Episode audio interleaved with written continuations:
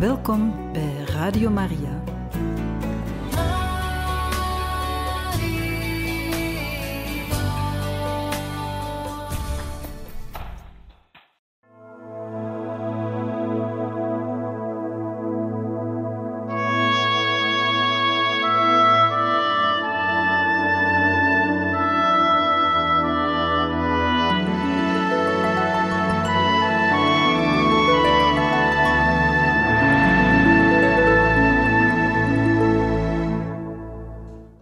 Dubbele moord bij vertrek van lepravrije meisjes, oktober 1885. Enkele dagen voor Capiolani Home, voor niet-Melaatse dochters van Melaatse ouders, geopend zou worden, kreeg Hutchison de opdracht om de veertien gezonde meisjes naar Honolulu te sturen. Zijn eigen dochtertje, dat ondertussen drie jaar was geworden, was een van de meisjes dat voor het leven afscheid van haar ouders zou moeten nemen. Ambroos was opgelucht dat Damiaan mee zou reizen. Zijn kind zou bij hem in goede handen zijn en misschien kon hij de zusters overtuigen om een bezoek aan Molokai te brengen. Dat plan mislukte omdat net voor het vertrek van bisschop Kukkeman zijn veto tegen een dergelijk bezoek uitbracht. Damiaan zou natuurlijk zijn biecht hebben kunnen zeggen na zes maanden, maar hij moest begrijpen dat hij een Melaatse was. De provinciale raad had besloten dat hij niet in het klooster mocht logeren. Kakako werd niet vermeld. Damiaan, die, zoals hij zelf zei, elke dag een beetje meer stierf, werd geïsoleerd. De bisschop had hem gevraagd niet meer rechtstreeks met de raad te communiceren, maar alles via hem te laten verlopen. Hij nam dit veto uiterlijk rustig op. Hij had tenslotte al onder het doodskleed gelegen, tussen haakjes, bij zijn eerste professie. Maar dat hij niet kon biechten, kon hij niet aan want de regel wilde het. Hij moest de vergeving, de absolutie, grijpbaar kunnen maken. Sarcastisch schreef hij, citaat, U weet wel, de priester van Kalawao die nog niet in genade is bevestigd, ondanks de pompeuze titels die, hem, die men hem heeft gegeven. Einde citaat. Kukkeman speelde de zaken niet correct. Aan de generaal rapporteerde hij dat Fouesnel en hij erg verveeld zaten met het feit dat Damiaan maar om de twee maanden bezoek kreeg. De facto was het al zes maanden. In zijn volgende brief aan Kukkeman smeekte Damiaan: Help me. Die dag was hij getuige van een dubbele moord. Het vertrek van de veertien lepra-vrije meisjes had de emoties doen oplaaien. Ze moesten op de middag in het depot in de haven van Kalaupapa samenkomen om de papieren in orde te brengen. Ambrose Hutchison moest voor elk kind een uitreisvergunning schrijven. Een kokwa per kind mocht meereizen en ook die had papieren nodig. Het was een afschuwelijke samenkomst waarop ouders voor het leven afscheid namen van hun kinderen. Ambroos trachtte zijn verdriet te verdringen door te werken en keek nauwelijks op. Momona was zichtbaar kapot nu zijn dochtertje Abigail van hem werd weggerukt. Hij beende rond, de dikke zeemansjak dichtgeknoopt tot aan de nek, de handen in de zakken, het gezicht strak. Tot Ambrosius opluchting stapte hij naar de werf. Hij vreesde dat de man moeilijk zou doen. Hij had immers petities geschreven, de koningin gesmeekt, alles gedaan om zijn dochter te houden. En nu droeg hij haar koffertje. Er was ook de zesjarige Anna Hupai, die zich aan haar moeder vastklampte. Zoveel drama's verdienden die kinderen niet. Uitgerekend die dag was de stoomboot J. Ai, daar zit te laat.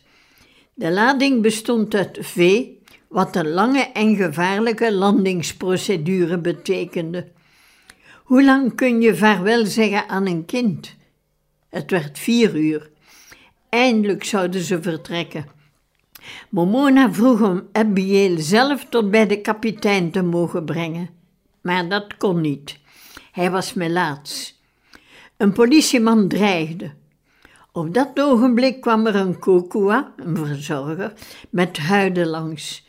De last op zijn nek woog zwaar. Hij duwde tegen Momona. Een mes kwam uit de schippersjak. De man voelde pijn in de rechterdij. Hij liet de lading vallen en strompelde het depot in. Het bloed liep langs zijn benen. Uitzinnig keerde Momona zich tegen de volgende drager. Lohiao, Momona's 16-jarige zoon, greep de man van achteren en opnieuw stak Momona nu in de buik. Het slachtoffer kon de jonge Lohiao losgooien. Het mes zat in zijn buik.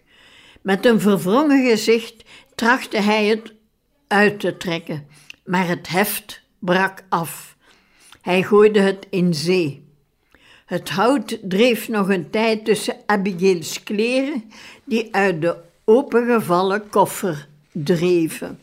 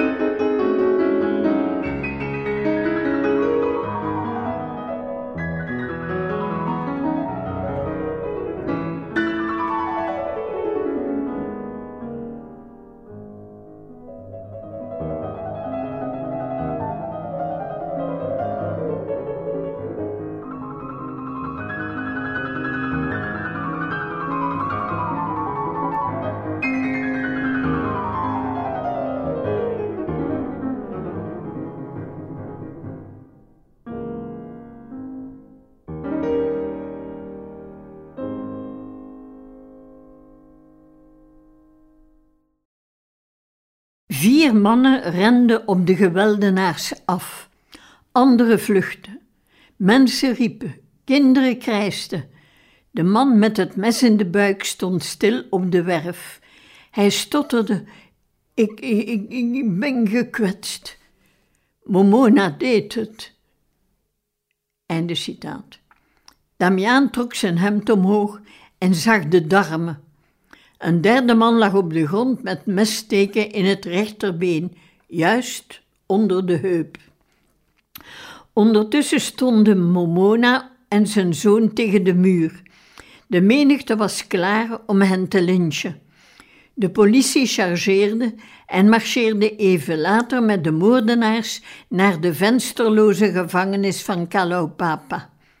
Hutchison noteerde snel de namen van getuigen en stapte dan met zijn eigen dochtertje in de boot. Hij had nu een reden om mee te varen tot aan de stoomboot. Hij moest de kapitein op de hoogte brengen van de aanslag, waarschijnlijk een moord. Dokter Maurits, geen harde werker, kwam nu snel aangereden. De drie gekwetsten werden naar het lege huis van Albert overgebracht, waar Maurits er onmiddellijk twee van opgaf. De man met de buikwonden had een geperforeerde darm en de man met de wonden in het been zou van bloedverlies sterven. Damiaan bleef die nacht bij de gewonden. Als de koorts steeg en ze begonnen te eilen, koelde hij hen af om de lichaamstemperatuur te doen zakken. Hun doodstrijd was lang en pijnlijk. Hun lijken werden opgebaard in de school waar ooit zoveel mensen die prachtige sacramentsdag hadden gevierd. Op Allerheiligen, een feestdag, zat Alberts kleurrijke kerk vol. Damian had het moeilijk met die mis. Moord was zinloos. Bij het open graf van de twee slachtoffers zei hij: Deze mannen zijn onschuldige slachtoffers van een tragedie. Ze stierven niet te vergeefs. Ze gaven hun leven voor de goede zaak. Ik hoop dat dit drama de vooruitgang niet zal schaden, noch de hand tegenhouden die de deur van het nieuw opgerichte instituut moet openen. Capiolani Home zal in de toekomst grote diensten bewijzen en veel goeds doen voor deze onfortuinlijke meisjes. Het zal gezegend zijn. Einde citaat. Voor velen was Capiolani Home het tehuis voor niet-Melaatse dochters van Melaatse ouders met bloed gedoopt. Al mocht Damiaan van de bisschop geen rechtstreeks contact met de raad hebben, toch kon hij niet anders dan op 2 november met de premier te spreken. Toen hij over de steekpartij hoorde, had Gibson onmiddellijk de boot genomen samen met de politiechef en zijn schoonzoon Fred Heizelde, de secretaris van de raad. Ze besloten dat de gezagsdragers van de leproserie meeschuldig waren, aangezien ze onvoldoende voorzorgsmaatregelen hadden getroffen. Meijer had aanwezig moeten zijn en Damiaan had moeten inzien dat de emoties te hoog zouden oplopen. Beide namen de blaam. Moritz verdedigde zich dat het zijn enige taak was de meisjes te onderzoeken. Hutchison, die zelf die dag een kind moest afstaan, kreeg verwijten als koppigheid en stupiditeit te verwerken. De geschokte kinderen kwamen terecht in een grijs gebouw, proper en sober. Rondom lagen, afschu- schaduwrijke terrassen, maar de tuin was klein. Omdat hun ouders Melaats waren, moesten de kinderen in een Melaatse kolonie blijven, maar ze mochten geen contact hebben met de zieken. Geschokt als ze al waren, kregen ze een nieuwe schok. Ze moesten zich uitklegen en kregen een wit poeder over zich dat naar insectenverdelger stonk. Zo moesten ze naakt een tijdje blijven staan. Daarna werden ze schoongespoten en maakten ze kennis met de zuster die hen zou opvoeden. Een lekenvrijwilligster was niet gevonden.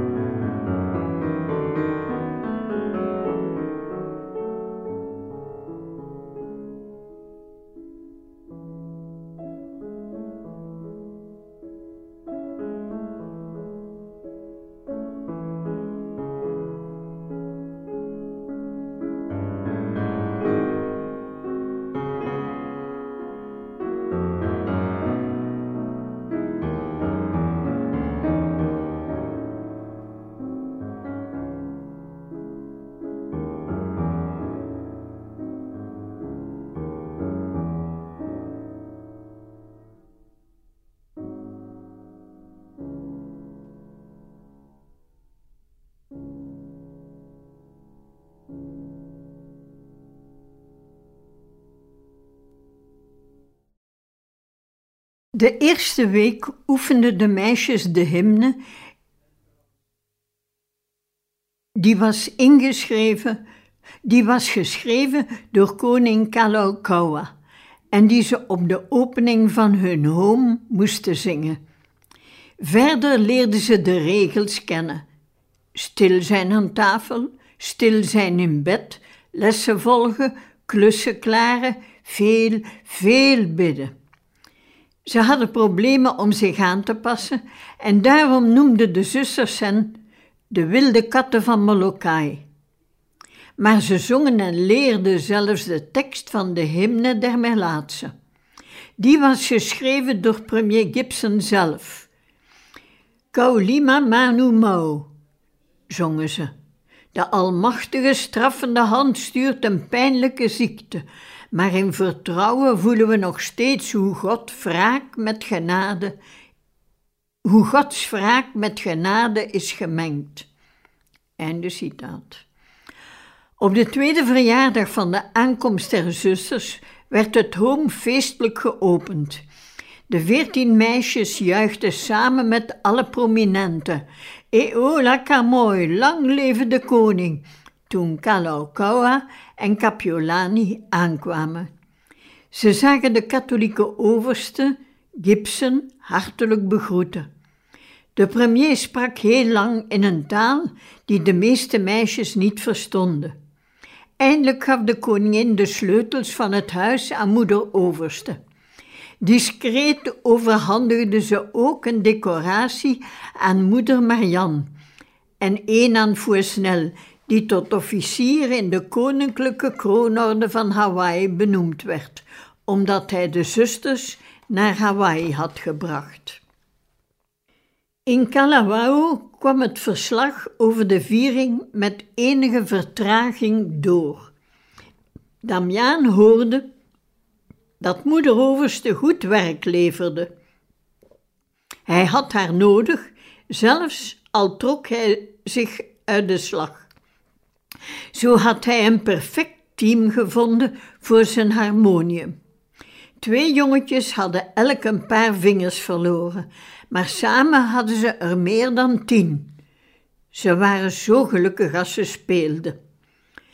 Om 5 december 1885 raakte zijn biechtprobleem vanzelf opgelost. De vijftien getuigen van de dubbele moord werden voor de rechtbank van Lahaina geroepen.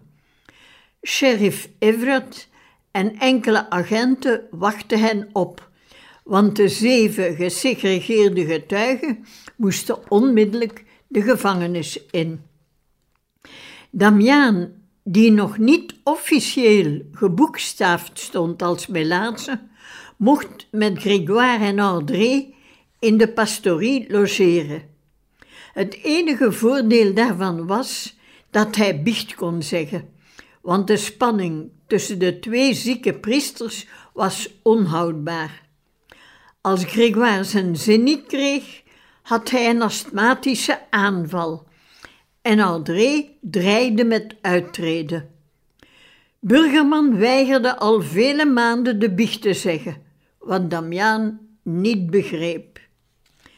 De andere getuigen hadden het veel slechter, want Damiaan kreeg tenminste eten en een bed om in te slapen. De Melaatsen werden opgesloten alsof ze criminelen waren en kregen gezouten zalm in een vuile emmer geserveerd, alsof ze varkens waren. Ze mochten niet in de buurt komen van de uitzinnige Keanu, de ter dood veroordeelde die inoculatie met lepra als straf had gekozen. Hun enige geluk was dat David Kao, een Kokwa-getuige, voor hen eten ging kopen in restaurants hij bracht ook Fred Heiselden, de schoonzoon van Gibson, die voor het proces in Lahaina was, op de hoogte van hun miserie. De secretaris van de raad gaf spontaan vijf dollar uit zijn eigen zak voor eten voor de boys. Ambrose was blij met het bezoek van zijn oud-pastoor André en met dat van zijn familieleden, die hij door een getralied venster mocht spreken. Uiteindelijk moest niemand van de opgesloten melaatse getuigen. De twee moordenaars hadden schuldig gepleit. Rechter McCully veroordeelde Momona tot tien jaar opsluiting, de zoon tot vijf jaar. Deze lichte straf hadden ze te danken aan een compromis. Momona zat bij de groep die een gewapende opstand voorbereidde. Strawn had Damiaan voor hen gewaarschuwd. Momona verklikte zijn vrienden in ruil voor het vege leven van hemzelf, maar vooral van zijn zestienjarige zoon.